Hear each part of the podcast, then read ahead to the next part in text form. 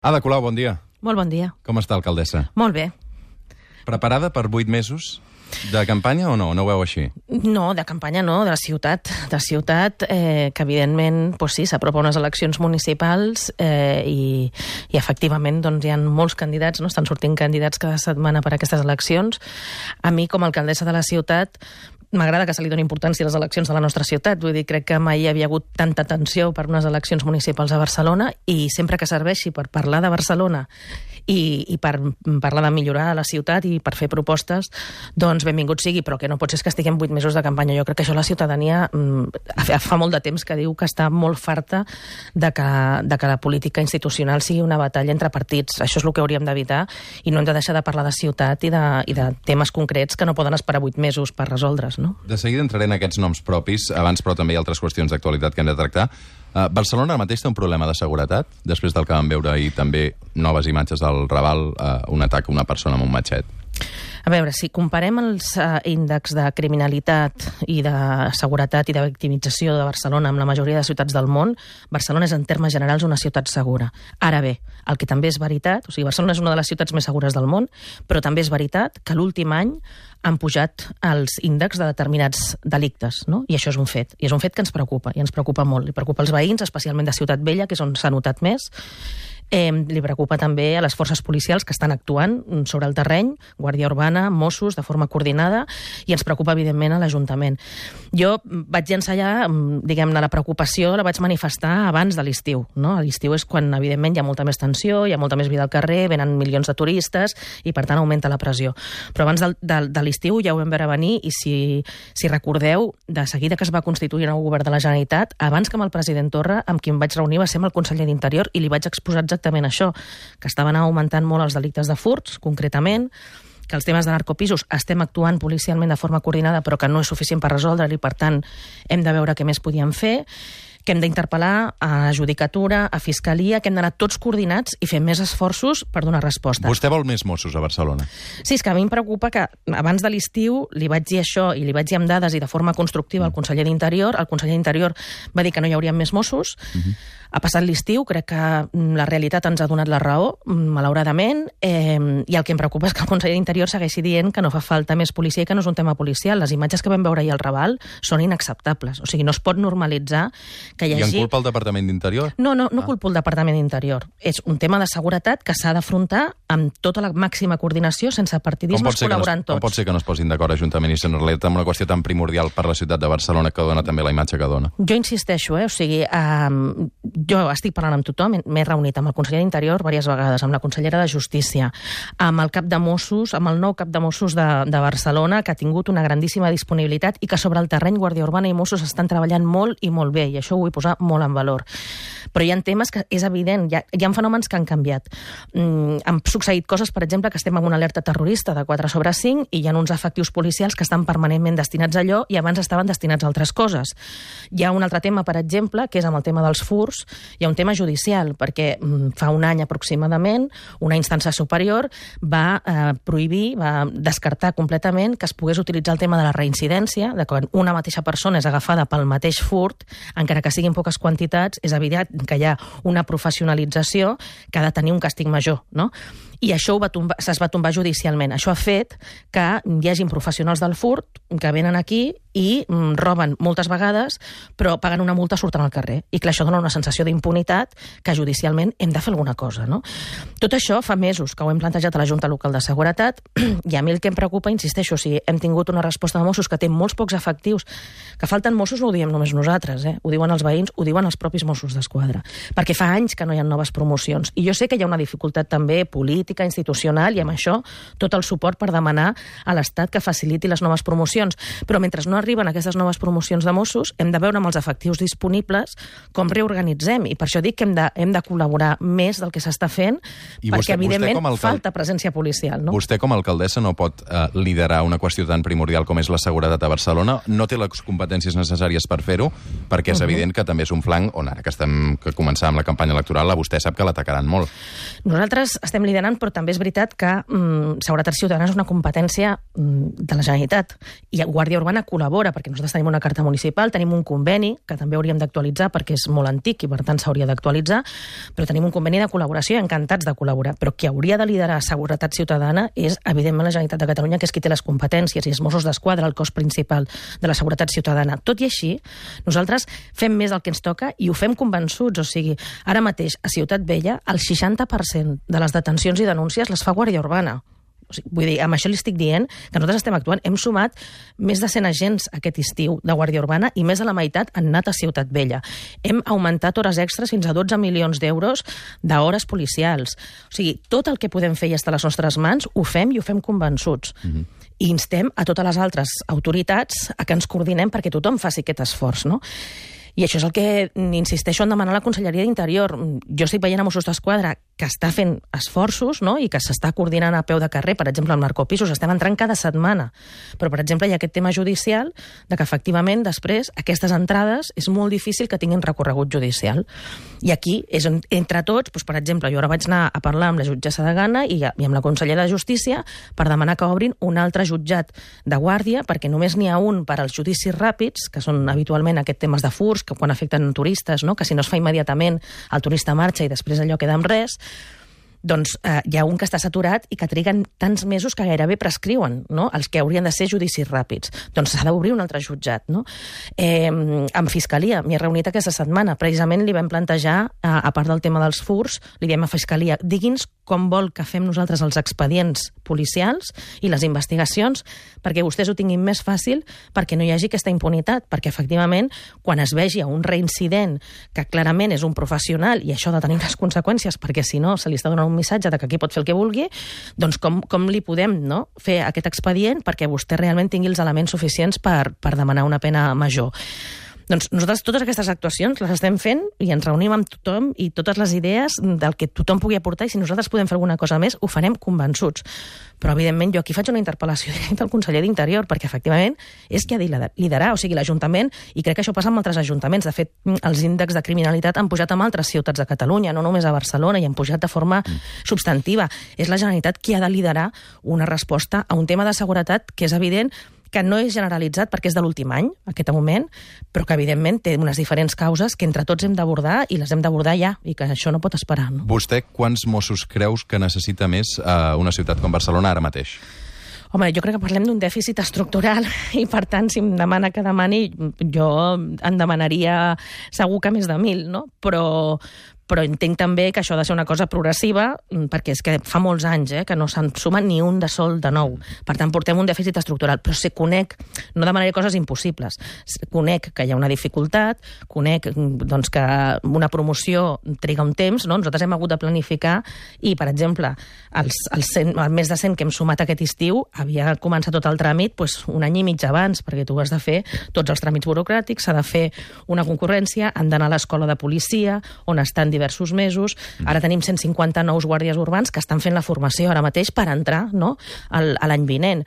Bueno, doncs això és el que fa falta. I aleshores em consta que ara, en principi, no, la Generalitat ja està tan desbloquejat per fer una nova promoció de 1.500, doncs jo espero que una bona part d'aquests 1.500, quan puguin anar ja a actuar al carrer, doncs puguin venir a Barcelona, perquè som capital de Catalunya i tenim una pressió generalitzada, no?, mm, que no és només els veïns i veïnes, que tenen tot el dret a tenir la màxima seguretat, sinó que també tenim una visita de milions de turistes cada any i, per tant, aquí hi ha una pressió sobreafegida, no?, també amb el tema de l'alerta antiterrorista, hi ha una pressió sobreafegida i és evident que, que necessitem més recursos. Uh -huh.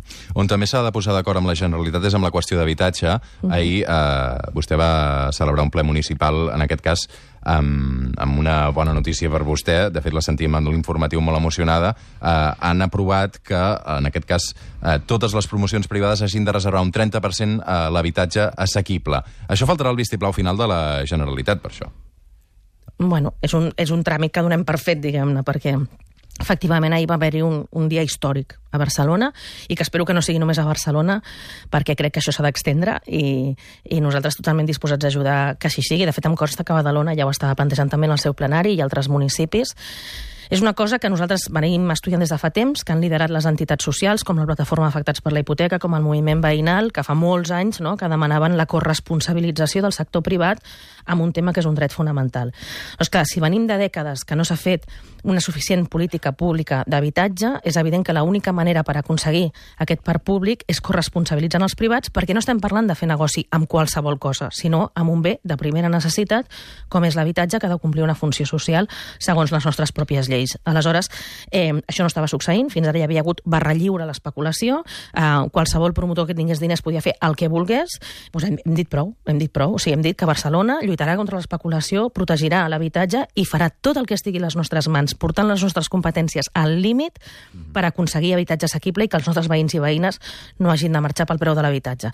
I ahir vam aprovar una mesura que és històrica aquí, que som la primera ciutat de tot l'Estat, però que s'estava fent a París o a Nova York o altres ciutats del món i que hem treballat amb elles també perquè tècnicament hi ha molta feina. També vull agrair aquí la feina de, de les entitats que han impulsat a, aquest debat, però també dels serveis jurídics i de, i de tot l'equip d'habitatge i d'urbanisme que han fet una feinada per fer una cosa que era impensable, absolutament impensable fa tres anys, i avui Barcelona és pionera, és una ciutat valenta, que reservarà de qualsevol nova promoció privada d'habitatge, el 30% haurà de ser habitatge assequible. Els promotors no estan contents.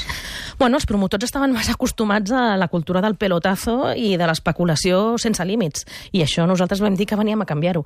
I com que no tenim deutes amb ningú... Poden i... portar aquesta no, mesura a la justícia per intentar que els donin la raó? Tenen dret a fer recursos, com qualsevol, eh, però nosaltres hem treballat molt amb serveis jurídics, hem, hem demanat informes externs de màxims professionals en, en dret administratiu, o sigui, hem fet tots els estudis econòmics i jurídics per estar molt convençuts de que aquesta mesura és perfectament solvent. Evidentment, tothom té dret a ficar un recurs, però nosaltres estem molt convençuts de que aquesta mesura ha vingut per quedar-se i, a més, vull posar en valor i agrair també als grups municipals perquè mm, sapiguem que hi havia pressions no, d'aquest sector immobiliari promotor, doncs ahir vam aconseguir que s'aprovés amb una amplíssima majoria. Només PP i Ciutadans no van recolzar el 30%. La resta de partits finalment es van sumar tots. Jo crec que això és una molt bona notícia i que s'ha d'agrair a tots els grups municipals que ho hagin convertit en un pacte de ciutat, perquè això vol dir que ha arribat per quedar-se. Aquesta mesura podria anar també al Parlament amb la mateixa majoria per, perquè ho fes extensiu a, a tot el territori català? Bueno, és qui té competències, és un tema urbanístic, per tant, en principi són els ajuntaments, però efectivament això es pot impulsar perquè sigui també, eh, la, la Generalitat també té les seves competències en urbanisme. Nosaltres el que hem dit és que d'entrada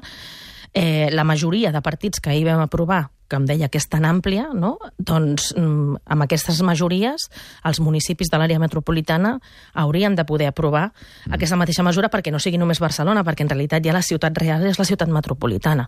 Aleshores, el lògic seria que com a mínim a tota l'àrea metropolitana, on s'estan produint aquestes pujades de preu a, a tota l'àrea metropolitana, no és només a Barcelona, doncs el lògic és que aquesta mateixa majoria política que ahir vam fer a Barcelona l'anem replicant no? allà on sigui possible l'àrea metropolitana. Però efectivament convida de la Generalitat a que extengui això. Una cosa molt important de la Generalitat, que en principi fa poc ens van dir que sí, cosa que seria molt bona notícia, i que hauria de fer el més ràpid possible és canviar la qualificació de l'habitatge protegit, perquè ara l'habitatge protegit eh, té una qualificació de 20-25 anys i, evidentment, ha de ser permanent. És a dir, mm, si hi ha habitatge protegit, necessitem que ho sigui per sempre. Si després es torna a privatitzar, repetim l'error del passat, que és que s'ha fet habitatge protegit, però en règim de propietat, i que després es desqualificava, amb la qual es fa un esforç públic perquè després allò acabi revertint en l'especulació. I això no pot ser.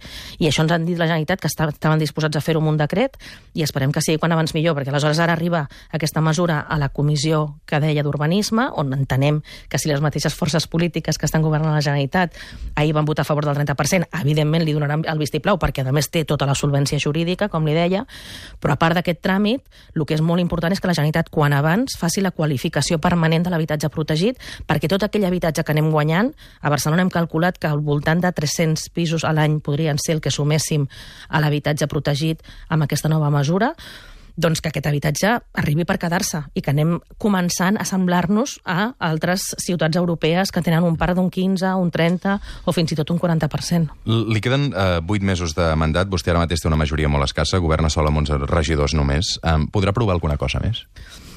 Segur, perquè n'hem aprovat moltíssimes en circumstàncies dificilíssimes. O sigui, hem passat... Com s'ho farà per aprovar els pressupostos aquesta vegada? Perquè la carta de la qüestió de confiança crec que ja no la pot utilitzar. Ah, no, efectivament. Eh, però fixis, deixi'm posar en valor breument que amb aquests una mica més de 3 anys hem tingut segurament un dels períodes institucionals més complicats de la història de la democràcia, per no dir el més complicat. No? Evidentment, el 155 és la màxima expressió, però a part del 155 i dels polítics que ara estan a la, a la presó i que esperem que surtin aviat, a part d'aquest fet que potser és el més extrem a nivell institucional, però hem, hem passat un, uns mandats amb moltes tensions, amb moltes cites electorals permanents, i cada cop que hi ha cita electoral és dramàtic, perquè les institucions sembla que es paralitzen fins que passen les eleccions, no? perquè tothom està amb la batalla electoral. Aleshores, malgrat tot això, i, i un govern en minoria, jo vull posar en valor que ostres, ha estat possible fer un munt d'acords. No? O sigui, hem, a Barcelona hem desencallat un munt de temes històrics. En un mandat tan difícil hem desencallat temes que portaven dècades sense desencallar-se. Per exemple, signar un conveni a l'Ajuntament que feia des de 10 anys que no es feia un conveni amb tots els treballadors i treballadores per actualitzar eh, el, els seus salaris i altres condicions. Hem desencallat a l'Espai Barça, que era un tema històric de la ciutat. Hem recuperat la Model, on, per cert, avui s'estan fent unes jornades molt interessants sobre el tema de l'1 d'octubre i convido tot a anar-hi. El tramvia no l'ha aconseguit desencallar. El tramvia no, però el metro ha arribat a la Marina, un altre tema històric del, no, de transport públic, ja que parlem de transport públic, i això ho hem fet amb acord amb altres forces i amb la Generalitat. Ho vull posar en valor, o sigui, malgrat la gran dificultat del moment històric institucional, bueno, si en aquests moments tan difícils hem pogut fer aquests acords i ahir mateix vam aprovar el 30%, depèn només de nosaltres que efectivament puguem fer més acords en els, en els mesos que queden. I jo mai renunciaré d'entrada ni a pressupostos ni a qualsevol altre acord que la ciutat necessiti per funcionar al seu màxim potencial. No? Ada Colau. Manel Vell seria un bon alcalde de Barcelona? Jo crec que no estic convençuda que no. De fet, eh, bueno, a mi he de dir que no m'ha sorprès l'arribada de Valls, perquè sabia que algú com ell arribaria. Això era molt conscient, no? Nosaltres, des de que vam guanyar el 2015, vam saber, perquè més ens va arribar la informació per diverses bandes, que hi havia unes elites de la ciutat, gent que havia manat molt sempre, que no ens coneixia de res, amb qui nosaltres no teníem cap deute ni cap porta giratòria i que estaven molt emprenyats amb que haguéssim guanyat les eleccions. I sabem que aquestes elites, ja en el moment en què nosaltres vam guanyar, van intentar convèncer a grups de l'oposició que s'ajuntessin tots per reunir més de 21 vots i fer-nos fora des del principi del mandat. I per sort no ho van aconseguir va, guanyar la democràcia, no? I, i, i també felicito els partits polítics que es van resistir en aquestes pressions. Però espera un moment, espera sí. un moment. Uh, això vol dir que ha de, guanyar la, la, ha de governar la llista més votada sempre? Bueno, si, si Manel Valls uh, sí. uh, uh, és el candidat més votat i vostè té la majoria necessària per continuar sent alcaldessa... La de, el sistema democràtic que tenim diu que qui té eh, la llista més votada és qui té la prioritat, però que si algú reuneix més de 21 vots és també democràtic, mhm. -huh. totalment democràtic, que qui tingui més de 21 vots eh, pugui governar. Per tant, també hagués estat democràtic que Xavier Trias hagués... hagués tingut la majoria necessària per Totalment. ser per No, no, no, que hi hagués una aliança de partits per fer un altre candidat, això hagués estat absolutament legítim. Quan hem fet nosaltres una moció de confiança també hi havia aquesta possibilitat. Per tant, vostè el no descarta dic... continuar com a alcaldessa de Barcelona no, no, que... sense, sense ser la llista més votada. Jo aspiro a ser la llista més votada, inclús a treure més regidors i regidores que en el mandat anterior. Però respongui la pregunta. No, però, no, renunciarà, no renunciarà a ser alcaldessa? Sense... No, clar, jo, jo em presento les eleccions per ser alcaldessa, evidentment, i per seguir amb una agenda de canvi que hem començat en aquest mandat i que creiem que necessita un altre mandat per consolidar-se. Deixa'm posar-li un exemple. Imagini's que Comuns, Esquerra i el PSC sí. tenen una majoria eh, per governar i que Manel Valls és la llista més votada. Vostè sí. repetiria com a alcaldessa en aquest escenari? Jo sempre voldré, primer, ser alcaldessa, perquè hem, hem, hem, ens hem presentat per guanyar, per transformar la ciutat i governar per les persones, i per tant no em presento per anar a l'oposició, sinó que em presento per ser alcaldessa. Aspiro a ser la llista més votada, inclús a treure més regidors i regidores que la mandat anterior, i en el cas de que nosaltres no tinguem sols suficient, sempre he dit de forma transparent i clara que la nostra prioritat és fer aliances progressistes, aliances d'esquerres, per fer un govern progressista per aquesta, per aquesta ciutat. I crec que això ho he dit des del primer dia del nostre mandat i seguirem amb la mateixa proposta per un següent mandat. Hi ha algun no, límit en però... aquests pactes postelectorals? Un límit? Mm. Algun límit d'algun partit que digui no, és que amb aquests senyors no hi pactaré? Bueno, jo crec que és evident, només a nivell programàtic crec que és molt evident. O sigui, una cosa és fer pactes concrets, no, no sé, amb el grup demòcrata, amb el PDeCAT mm, o Convergència, eh, i tenim moltes diferències de model de ciutat, però en algun tema en concret ens posem d'acord i aprovem no, doncs, Fins aquest estiu. Va dir que eren la màfia en campanya electoral, vostè. I sobre, Convergència, sobre Convergència i Unió, clar, és que tenen molts processos de corrupció oberts i condemnes molt greus pel 3%, i en aquest sentit eh, hem criticat sempre que era un partit estructuralment corrupte, de fet s'han hagut de canviar el nom i em sembla que m'han donat la raó, perquè si no tinguessin cap problema, perquè s'han canviat el nom? Per alguna cosa serà, no? Um, però, perdoni, només deixi'm recuperar un moment el tema del Valls, perquè jo li estava explicant Sí, el sí, del 2000... tornarem, tornarem a Manuel Valls, no pateixi. No, no, perquè li explicava el del 2015, perquè el que jo deia que no, que no era democràtic no és que els partits es poguessin ajuntar per generar una majoria suficient alternativa a nosaltres, sinó el fet de que fossin unes elites econòmiques des de l'ombra i de forma absolutament opaca les que pressionessin els partits perquè generessin aquesta majoria. Això és el que sí que és antidemocràtic, perquè qui ha de governar és qui vota la gent, no uns poders fàctics que a l'ombra estan pressionant a partits polítics per fer altres coses. Això va passar el 2015, i li deia, i no em sorprèn, sabia que apareixeria algú com Valls, perquè sabíem que hi havia unes elites econòmiques que si ja estaven inquietes el 2015, amb la possibilitat de que tornem a guanyar, com diu el baròmetre municipal i, i moltes enquestes, doncs sabíem que s'estaven movent i ens arribaven comentaris en aquest sentit de que estaven buscant un candidat, no? que estaven buscant un candidat alternatiu. L'han anat a buscar, Valls. A mi és el que em consta, sí. O sigui, sabíem que nosaltres, si ja érem in- incòmodes el 2015 perquè no teníem deutes amb ningú ni portes giratòries, clar, en aquest mandat hem demostrat que ens enfrontem amb l'especulació, que ens enfrontem als fons voltors, que parlem de muni- municipalitzar l'aigua i que hi ha una multinacional que té ara mateix, eh, de forma judicialitzada, la competència de l'aigua, que ens fica querelles i recursos constantment. Eh, en, ens hem enfrontat a l'oligopoli eh, de la- de l'energia i hem creat l'operador mm, públic municipal de l'energia més gran de tot l'Estat. I tot això toca interessos, clar. Um, Manuel Valls ve del Partit Socialista francès i aquesta setmana uh, l'he sentit autodefinint-se com uh, d'esquerres i progressista. Bueno, el Partit Socialista francès diu que el Manuel Valls va destrossar el Partit Socialista francès i, de fet, el que va fer Valls després va ser... Valls no és d'esquerres? Bueno, ho haurà de definir de moment, ah, s'haurà de definir amb els fets. Vull dir, no, ara no vull... El seu historial de França diu que no. Diguem-ne, va, va fer una... ah, Quan va ser ministre de l'Interior eh, va ser desastrós en termes de criminalitat per ser la seva, la seva gestió i, a més, ha tingut escenes horribles com les que va fer d'expulsió de, de persones gitanes, no? que des de luego d'esquerres això no és, um, però també, a més, eh, diguem-ne, va trair el Partit Socialista francès que li retreu que va acabar amb el Partit Socialista, però el més important són els fets. I ahir mateix li tenim una primera mostra de que que defensa el senyor Valls per Barcelona, si el, el partit que l'impulsa i li dona recolzament és Ciutadans. Ahir Ciutadans va votar en contra del 30%. Ahir Ciutadans va estar en contra de fer un 30% d'habitatge social a Barcelona i va, es va quedar sol amb el Partit Popular votant en contra d'aquesta mesura a favor del dret a l'habitatge. Bueno, aquesta és la primera votació del senyor Valls. Escolti que deia ahir uh, Manuel Valls a la Sexta. Los que me acusan de ser el candidato de los ricos es que no se dan cuenta que no han hecho nada para los barceloneses, los 20% de barceloneses que viven en una situación muy dura, lo que son muy pobres. Hay gente que duerme en la calle. ¿Qué se ha hecho? La gente que me dice que sería yo el candidato de los ricos, ¿qué son ellos? ¿De quién son los candidatos? Què li respon?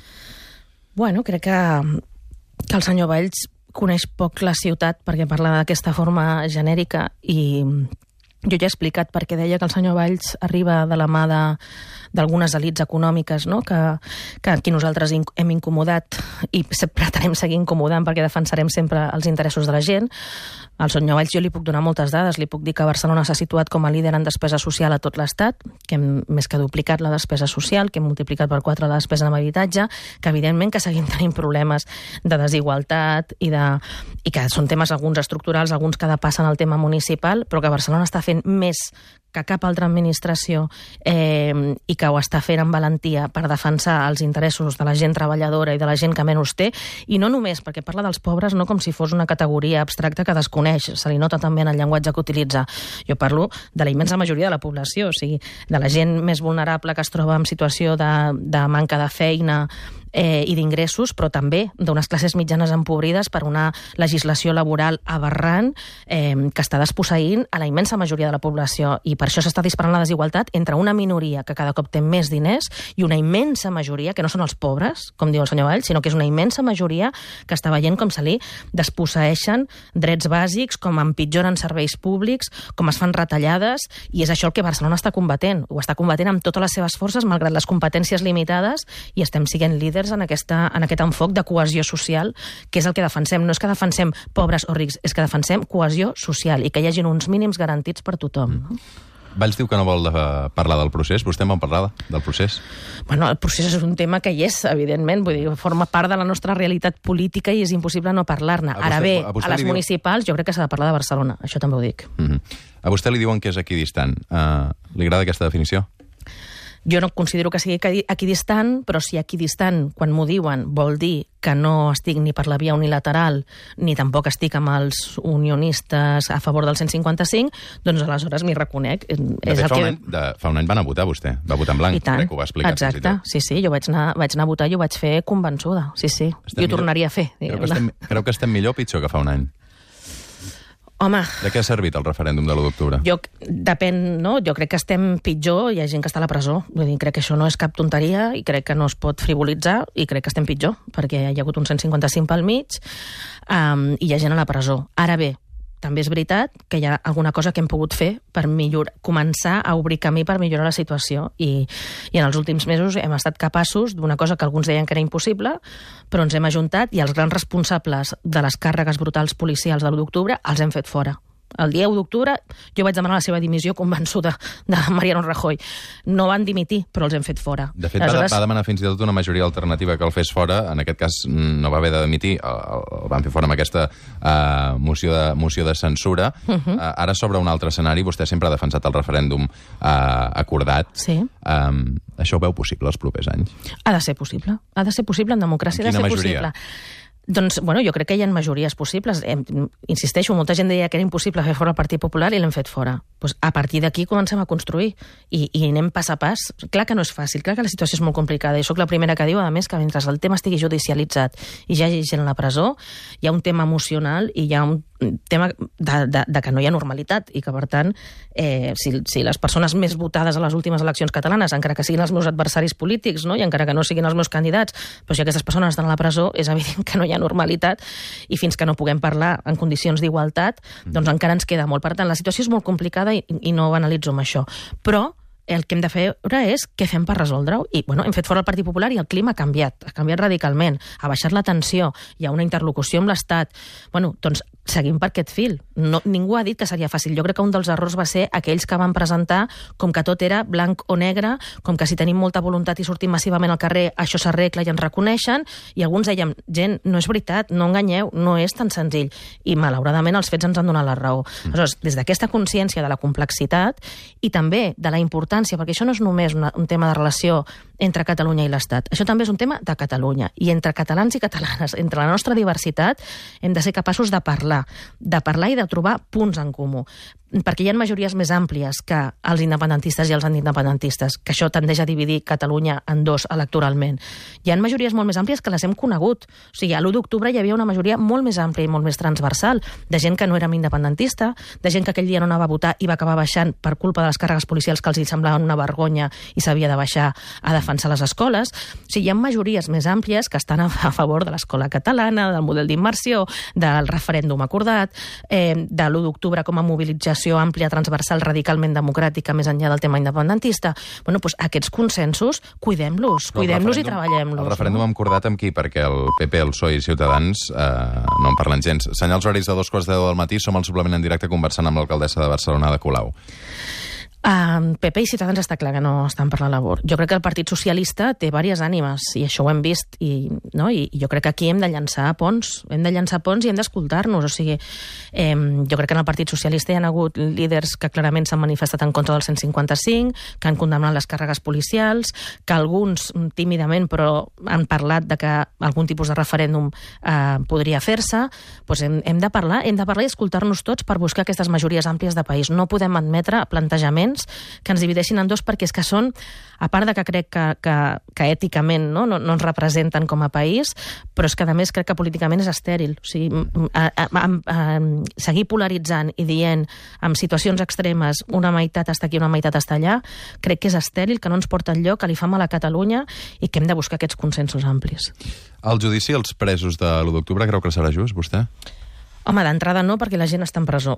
per tant, ja, a part de que ja sempre ho he dit, és evident que crec que no hi ha cap delicte de rebel·lió, que no hi ha res que sustenti la rebel·lió, que no hi ha hagut violència, i, i ho diu una que és adversària política de qui està a la presó, eh? insisteixo, però és que és evident que no hi ha hagut violència. I... Per tant, vostè no creu en la independència de la justícia espanyola?